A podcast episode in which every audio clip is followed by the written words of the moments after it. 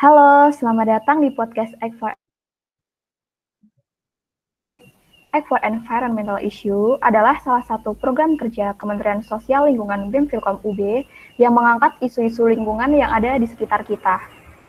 Dan obrolan kita kali ini nih gak kalah menarik nih obrolan kita di episode sebelumnya.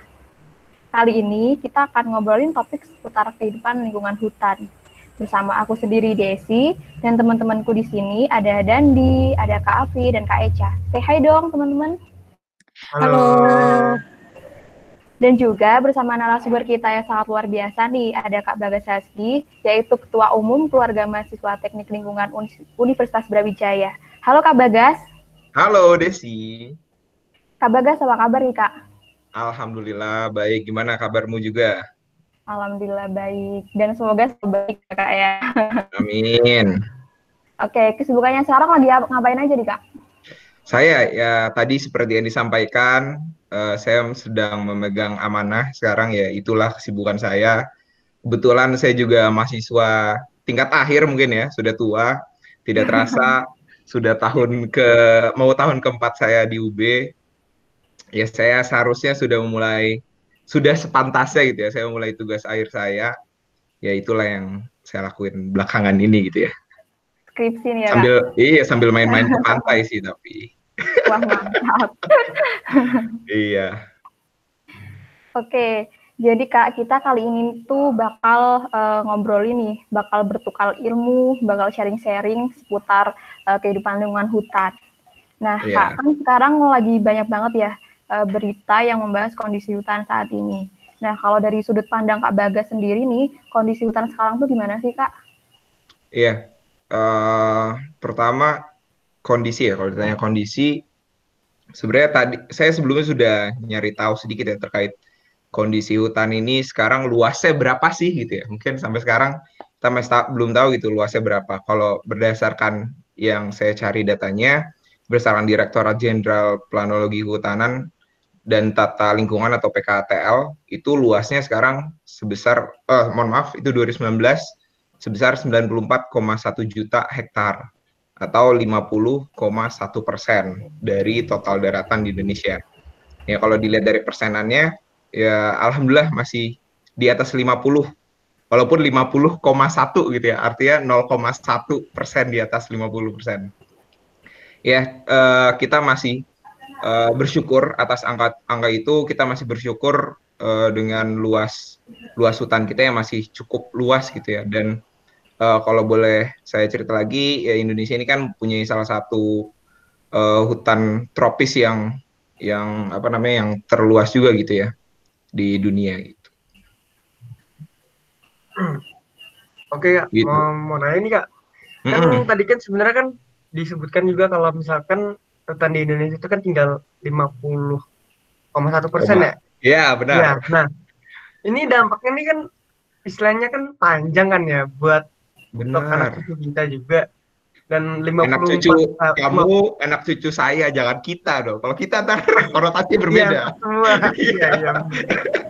Iya ya, maksudnya itu apa ya? Yeah. ini kan pasti ada efek sampingnya juga kan karena kan buat jangka panjang kan. Benar.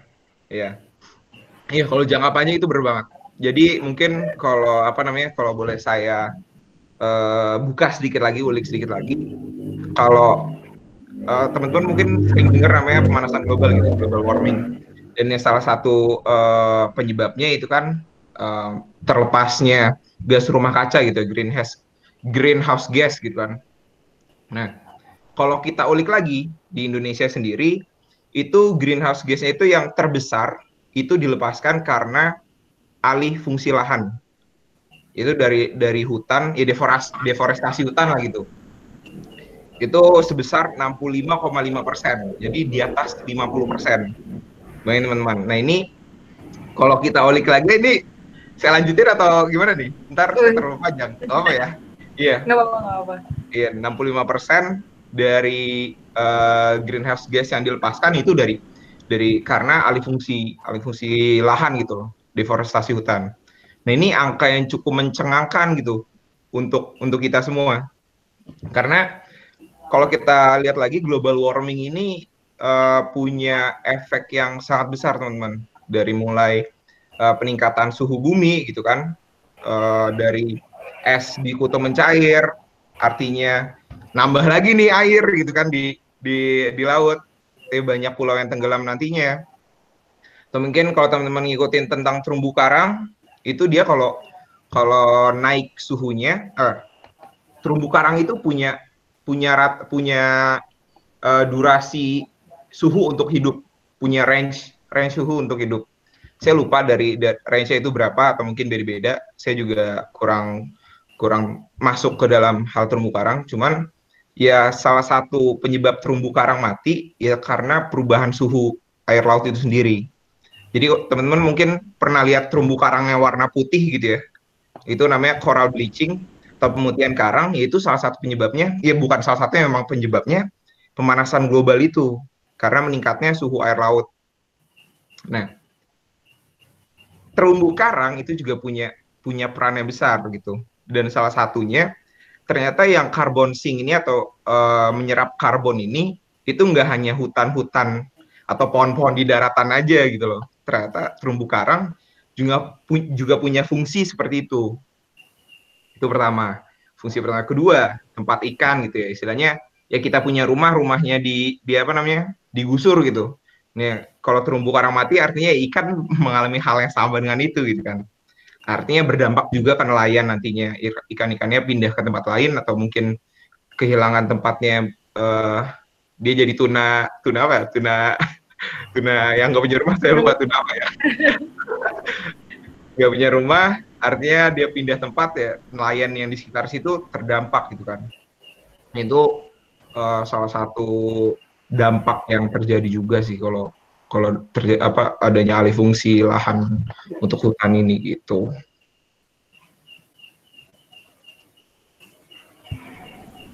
Nah itu tuh sebenarnya kerusakan hutan kan salah satu besarnya uh, fungsi alih lahan mungkin contohnya paling sering di Indonesia tuh kayak uh, dari hutan terus tiba-tiba ntar udah jadi uh, kebun kelapa sawit aja. yeah. Nah, tapi kan mungkin ada juga beberapa faktor yang kayak kita yang lakuin gitu loh mas. Mm. Kita sebagai orang yang kita tidak bersalah, tidak terlibat dalam kelapa sawit kelapa sawit, apakah mungkin nggak sih ada hal-hal kecil yang kita tuh nggak sadarin tapi ternyata berdampak juga dengan kondisi hutan kita gitu? Kalau kayak gitu mungkin ini ya, balik lagi ke global warming gitu ya. Pemanasan uh, apa namanya? kenaikan suhu bumi itu kan juga menjadi ya teman-teman tahu mungkin banyak berita kebakaran hutan itu mungkin di tahun lalu di Australia itu menjadi kebakaran terbesar gitu ya. Saya lupa luasnya berapa, cuman itu berapa koala yang koala yang mati gitu kan di sana. Berapa banyak pohon yang terbakar di sana, berapa banyak korban jiwanya. Itu salah satu dampak dari dari kenaikan suhu rata-rata bumi itu sendiri itu suhu global saya ngomongin suhu global gitu ya nah ya artinya ketika kita ketika uh, mungkin teman-teman juga tahu gitu apa saja yang kita kita lakuin yang berdampak ke ke global warming kayak misalkan naik kendaraan bermotor secara tidak bijaksana kita uh, memakai uh, energi secara tidak secara tidak bijaksana gitu kan.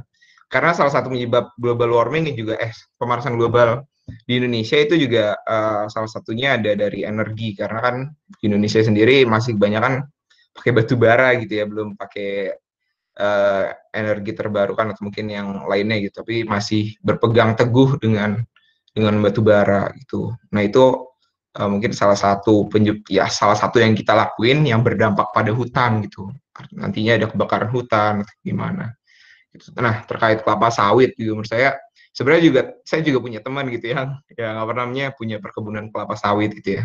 Kalau kita lihat juga kelapa sawit ini jadi jadi tempat atau jadi penggantung hidup orang-orang di Indonesia gitu. Terlebih mungkin orang Sumatera gitu kan atau mungkin di Kalimantan itu kan banyak banyak terkait hal tersebut.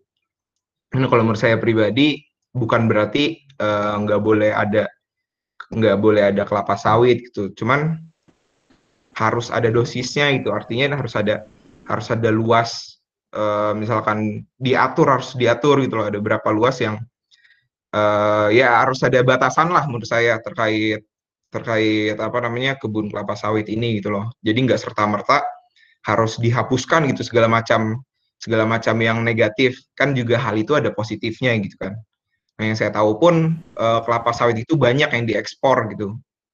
Nah, uh, kalau menurut saya, kayak misalkan kelapa sawit misalkan diekspor buat jadi apa sih? Buat kosmetik gitu kan, buat apa gitu. Saya juga uh, kurang tahu itu untuk apa aja kelapa sawit. Cuman nih kalau kita bisa mengolah sendiri gitu kan, kita uh, nggak kita mengurangi jumlah ekspor kita gitu. Terus kita bangun pabrik-pabrik yang emang buat ngolah kelapa kelapa sawit kita sendiri, ngolah minyak kita sendiri gitu kan. Itu kan mungkin bakal lebih bermanfaat untuk ekonomi ekonomi kita gitu ya.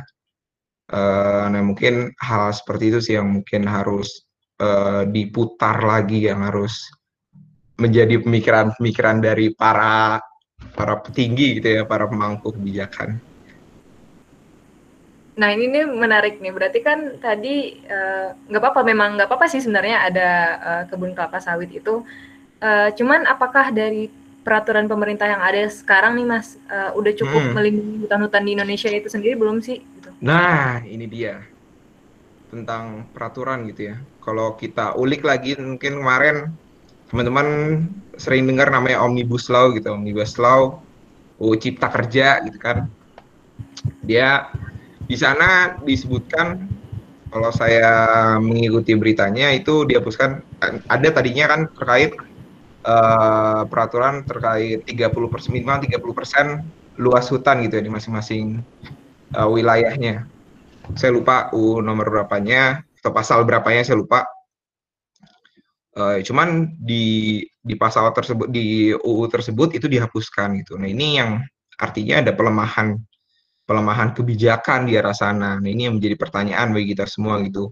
Apakah memang uh, Indonesia mau mau uh, fokus terhadap hal hutan ini, hal hal konservasi hutan ini atau seperti apa?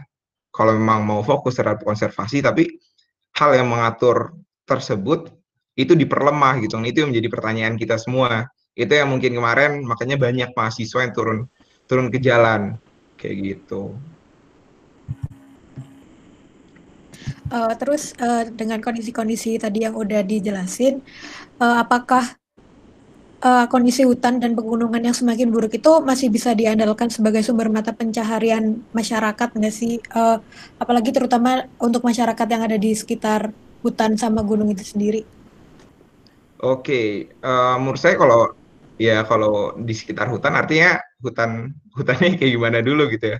Apa hutannya udah gundul atau seperti apa gitu? Mungkin kalau kita lihat di Malang Selatan, oke Malang Selatan dulu di tahun saya sempat dengar cerita di sana gitu saya sempat sempat berkegiatan di sana eh, diceritakan oleh warga sana kalau dulu tuh di sana banyak pohon gitu. Mungkin kalau teman-teman sana kan sekarang udah pada gundul-gundul udah banyak yang tebu pohon pisang gitu-gitu kan.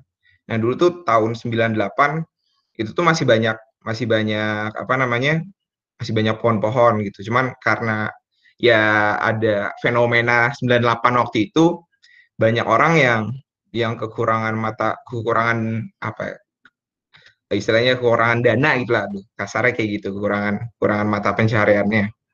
Dan mereka uh, akhirnya menebang pohon di daerah sana. Dan akibatnya ya, ya udah kayak gitu gitu loh. Di sana banyak lahan yang gundul di sana jadi jadi sangat panas gitu kalau teman-teman. Teman-teman saya yakin lah kalian udah pada main ke Malang Selatan pantai sana. Yang memang itu daerah pantai gitu ya. Cuman cuman ya uh, ya mungkin itu salah satu penyebab di sana semakin panas gitu karena memang pohon-pohon di sana ditebangi pada saat itu gitu loh. Dan jadi ya udah uh, jadi lebih panas di daerah sana kayak gitu. Mungkin dari saya gitu. Nah cuman gini sih mas. Kan istilahnya kan kebijakan dari pemerintah juga kan uh, soal lingkungan ini kan udah diperlemah nih. Hmm. Terus juga hutan-hutan itu udah mulai menipis lah. Nah, yeah. udah gimana ya uh, cara kita tuh ya sebagai mahasiswa atau sebagai kaum awam tuh buat uh, ngembaliin selain memperbaiki lagi lingkungan yang ada. Sedangkan pemerintah aja nggak berpihak sama kita gitu. Langsung ekstrim ya kata-katanya ya kalimatnya tidak berpihak pada kita. ya, kurang lah kurang lah Langsung direvisi kurang direvisi. Langsung dijudge seperti itu ya. Ya oke. Okay. uh, eh, tadi apa yang bisa dilakuin kita sebagai mahasiswa gitu ya. Menurut saya ya salah satunya seperti ini gitu loh teman-teman. Lewat kegiatan ini artinya teman-teman mencerdaskan banyak orang gitu ya. Siapa tahu uh, dari podcast ini podcastnya BEM Filkom Kementerian Sosling Sosial dan Lingkungan gitu ya itu terdengar sampai sampai orang yang memegang kebijakan gitu loh. Sampai anak kecil anak kecil yang memang uh, harus diedukasi gitu artinya artinya edukasi sejak dini gitu. Siapa tahu ini hal ini terdengar sampai ke, ke telinga mereka. Hal ini menjadi menjadi apa namanya perhatian bagi bagi banyak orang. Mungkin ketika teman-teman merilis merilis podcast ini gitu ya. Nah ini salah satunya seperti itu. Artinya mencerdaskan banyak pihak gitu loh. Uh, kalau bicara ke lapangan langsung mungkin dari mahasiswa tidak banyak. Maksudnya kan uh, beda-beda gitu ya. Ada yang mungkin emang kegiatannya atau rumahnya di sekitar hutan. Ada yang memang uh, rumahnya di tengah kota yang artinya bersentuhan langsung dengan hutan aja. Ya cuma dengar-dengar dari dari warga-warga yang uh, dekat-dekat hutan gitu rumahnya. Ini memang uh, terkadang memang sulit kalau kita langsung terjun ke lapangan. Cuman yang menurut saya yang paling paling maksim paling bukan paling maksimal paling optimal kita lakukan yang paling uh, paling sederhana sorry. Paling sederhana itu tadi kita mencerdaskan banyak orang kita melakukan gerakan. Ada juga teman-teman sering dengar kan itu kan hari hari hutan ada hari hutan nasional itu tanggal 7 Agustus ada hari hutan dunia itu tanggal 21 Maret Itu kita bisa rayakan bersama hari-hari tersebut gitu loh. Dengan mungkin kita menanam pohon di rumah kita walaupun kita nggak nanam langsung di hutan gitu kan. Ya, mungkin hal-hal tersebut yang bisa kita lakukan atau mungkin tadi salah satu penyebab uh, kebakaran atau kekeringan itu kan juga dari dari global warming gitu ya, dari perubahan iklim gitu yang ekstrim. Nah, kita dengan kita uh, mengurangi hal-hal yang dapat memicu kenaikan suhu bumi uh, secara global, itu pun akan berdampak gitu loh. Ya memang itu mungkin dampaknya kecil gitu ya. Apalagi di sini kita cuma berlima. Kalau kalau berlima doang yang gitu. Kalau itu dilakukan oleh kita berlima doang yang ya mungkin kayaknya apa nih nggak ada rasanya gitu istilah kayak gitu cuman harapannya lewat lewat pencerdasan secara terus menerus gitu ya dengan mungkin yang mungkin yang ngelakuin uh, podcast ini nggak bem Filkom doang itu banyak banyak bem bem lain banyak imun-imunan lain, banyak komunitas-komunitas lain. Nah, mungkin dengan dengan hal-hal tersebut, dengan banyaknya pencerdasan, dengan mudahnya akses untuk memiliki pendidikan di bidang kehutanan, itu dapat memperbaiki gitu ya eh, keadaan hutan terlebih di Indonesia ke depannya. Gitu. Ya buat ini saya juga uh, ngasih tahu data sedikit aja. Kalau Indonesia ini kan punya uh, memiliki hutan yang memiliki urutan ketiga terluas di dunia. Terusnya di dalam hutan jelas ada flora, ada fauna gitu ya. Ini artinya rumah untuk mereka. Jenis flora di Indonesia ini kurang lebih sebanyak 25 ribu. 25 ribu jenis atau lebih dari 10 persen jenis tumbuhan di seluruh dunia. Bayangin 10 persen, lebih dari 10 persen. Terus sedangkan untuk jenis persebaran fauna di Indonesia itu eh, mamalia ada lima ribu lima ratus ini ikan dan segala macam. Ikan ada empat ribu jenis burung ada seribu enam ratus. Amfibi lebih dari seribu jenis serangga lebih dari dua ratus ribu jenis gitu. nah ini angka-angka yang sangat besar gitu. Itulah kekayaan yang kita miliki. Mungkin bangsa-bangsa lain bangsa-bangsa lain mungkin sudah maju atau seperti apa cuman ya Indonesia punya punya ciri khasnya tersendiri gitu loh. Kita ini punya punya hutan gitu kita punya berbagai jenis flora dan fauna, kita punya sumber daya alam yang melimpah gitu. Nah, dengan hal-hal tersebut, kenapa enggak kita jadiin ciri khas gitu loh? Kenapa enggak itu kita jadiin wajah, wajah dari Indonesia? Kenapa enggak kita kenalin Indonesia ya sebagai orang yang memang menjaga uh, ciri khasnya, menjaga identitasnya sebagai negara yang memiliki jumlah flora yang sungguh melimpah, mempunyai fauna yang sungguh melimpah gitu ya, punya uh, dar lautan yang sungguh luas juga gitu ya negara mungkin teman-teman sering dengar kita negara sebagai negara maritim gitu ya. Nah, itulah yang menurut saya harus kita jaga identitas kita. Itulah yang memang memang harus kita gerakin sih kalau menurut saya pribadi gitu.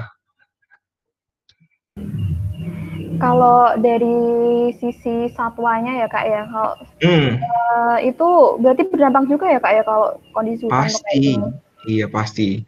Sekarang uh, saya pun kemarin udah nyari-nyari gitu ya. Uh, saya sudah memprediksikan apa yang teman-teman tanyakan. ya mohon maaf para pemirsa, saya sedikit ini ya, saya sedikit belok-belok dikit nggak apa-apa ya kita senang lah biar pemirsa juga senang dengarnya gitu ya. Sore kalau banyakkan ketawanya daripada apa yang diomongin. Cuman ya insya Allah tetap tetap ada substansinya gitu ya. Iya. kalau faktanya hewan yang hewan di Indonesia itu udah ada yang punah gitu loh.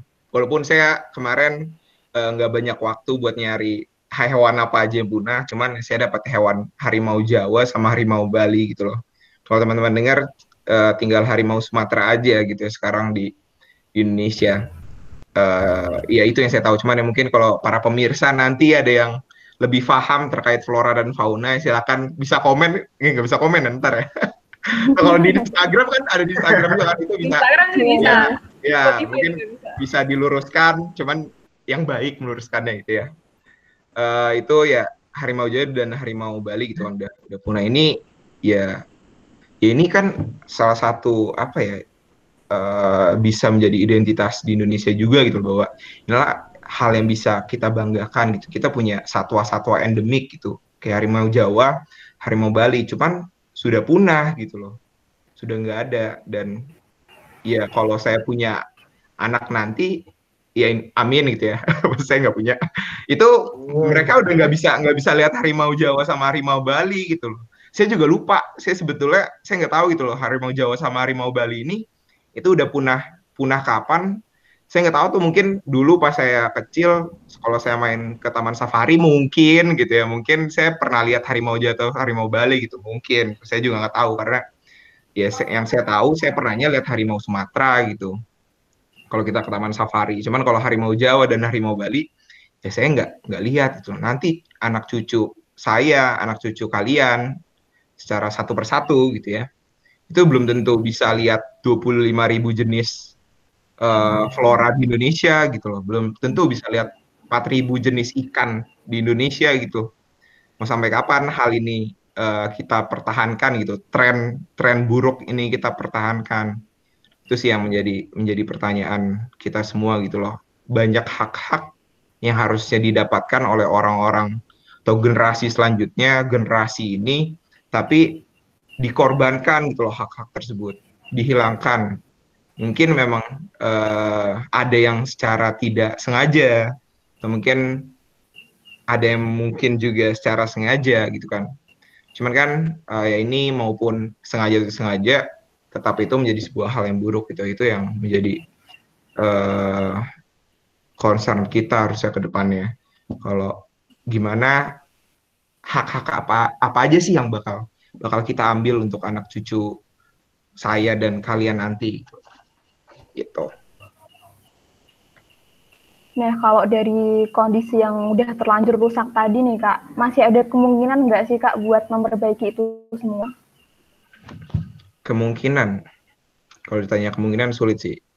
Soalnya uh, saya nggak bukan orang yang memangku kebijakan, saya cuma satu orang gitu ya. Jadi kalau ditanya kemungkinan untuk memperbaiki menurut saya kalau kemungkinan itu selalu ada gitu ya. Cuman kalau ditanya berapa persen berapa persennya saya sih nggak lihat tren yang baik uh, sampai sekarang itu cuman tadi saya sempat sempat baca-baca sebenarnya uh, kalau dikabarkan kalau deforestasi di Indonesia itu cenderung untuk tahun ini cenderung uh, stabil gitu. Artinya nggak nggak ada kenaikan uh, saya juga nggak tahu ini adalah hal yang baik atau seperti apa karena walaupun stabil tetap aja itu deforestasi gitu ya aja alih fungsi lahan. Dan saya juga nggak tahu itu peruntukannya untuk apa apakah dilakukan secara bijaksana atau enggak. Nah ini uh, ya baik lagi sih kalau kesimpulannya kalau ditanya kemungkinan ada apa enggak ya kemungkinan selalu ada gitu loh. Nggak uh, nggak ada yang nggak ada gitu nggak ada nggak ada yang benar nol nol nol kemungkinannya kalau menurut saya kemungkinan tetap ada cuman ya tergantung pemangku kebijakan kita gitu loh para para pemerintah, para pemangku kebijakan yang mungkin sekarang sedang berjuang juga untuk kebaikan hutan atau mungkin kebaikan yang lainnya saya juga orang tahu. gitu. Oke, wah bagus sekali ya ini tadi penjelasan-penjelasan dari Kak Bagas. Oke, terima kasih ya Kak sudah datang. Oh, udah gitu aja. UB, iya Kak, udah. Ya, cepet banget. kan nanti yang dengerin kayak yang dengerin kita sih sebentar ya, 20 menit. ini topiknya berat banget tuh. Iya. Oke, terima kasih ya Kak ya sudah datang. Mungkin Yo, sama-sama. ada closing statement dari Kak Bagas buat para pendengar podcast ini. Uh, closing statement ya ini kesimpulan ya terakhir gitu. Kalau saya ya balik lagi apa yang saya sudah sampaikan tadi gitu loh berapa banyak hak dari anak cucu kita nanti yang akan kita ambil. Sebenarnya permasalahan ini kita saya ngomongin permasalahan lingkungan gitu ya. Sebenarnya banyak di luar nggak nggak hanya terkait terkait permasalahan hutan aja gitu loh. Mungkin teman-teman juga sering dengar krisis iklim yang itu juga salah satu penyebabnya ya saya bilang tadi gitu kan alih fungsi lahan alih guna lahan ya, ini yang harus kita perhatikan ke depannya ini harus harus lebih apa ya sekarang tuh uh, aspek pembangunan tuh kan ada tiga gitu ya ada terkait sosialnya ada terkait lingkungannya ada terkait ekonominya gitu. cuman sampai sekarang itu lingkungan itu sering dikorbankan gitu. Ini yang menjadi menjadi apa ya keluh kesah bagi mungkin banyak dari teman-teman teknik lingkungan yang yang merasakan itu gitu loh. Mungkin kita dibilangnya terlalu idealis gitu loh. Cuman ya menurut saya itulah yang dimiliki itulah salah satu harta yang dimiliki mahasiswa gitu loh. Itulah salah satu harta yang dimiliki kita sebagai generasi muda gitu loh ya idealis gitu loh kita nih kita nih mungkin mayoritas kita belum belum belum banyak yang nyari uang gitu loh. Kita belum banyak di di apa namanya diterjunkan langsung gitu loh untuk bertahan hidup. Ya mungkin uh, saya uh, orang Bekasi mungkin beda cerita gitu ya. Maksudnya saya merantau di sini cuma kan beda cerita saya dapat uang dari orang tua dan segala macamnya gitu. Cuman ya saya masih bisa mempertahankan idealisme saya gitu loh sebagai mahasiswa teknik lingkungan. Sebagai orang yang yang concern gitu loh. Karena ini juga salah satu uh, bidang ya salah satu keprofesian saya bukan salah satu memang ini keprofesian saya gitu ya ini harapan saya memang uh, masalah lingkungan ini bukan bukan menjadi masalah beberapa orang aja gitu karena seluruh manusia juga pasti akan terdampak di sini gitu loh nggak hanya anak kecil, nggak hanya bapak-bapak, nggak hanya mak-mak, itu nggak hanya nenek-nenek kakek, tapi semuanya. Jadi harapan saya kita semua bisa bisa lebih bijak ke depannya. Kalau kita nggak bisa memperbaiki, setidaknya kita nggak memperburuk keadaan yang ada. Itu. Itu aja dari saya. Thank you semuanya. Wow, bagus sekali ya materi-materi penjelasan-penjelasan dari Kak Bagas ini. Bukan materi kali uh, itu, jadi, kita ngobrol oh, iya, doang. Ya. ngobrol doang ya Kak ya. Oke, okay, semoga dari obrolan-obrolan kita kali ini itu semakin membuka pikiran kita dan menambah dan menambah wawasan kita juga ya mengenai uh, kehidupan lingkungan hutan dan seberapa pentingnya sih buat kita gitu dan bisa dan semoga bisa menambahkan uh, kesadaran kita tentang pentingnya hutan untuk kita sendiri gitu. Semoga uh, kita bisa mengambil hal-hal positifnya dan dibuang negatifnya. Sekali lagi terima kasih ya Kak sudah datang. Yo, terima kasih kembali telah uh, mengundang saya. Seru banget ngobrol-ngobrolnya. Terima kasih Mas. Yo. Terima kasih Mas. Dan di bisa di okay. stop record lah. Jadi teman-teman, ini udah selesai ya? Udah. Udah, udah. Oke. Okay. Mohon maaf ya, saya izin duluan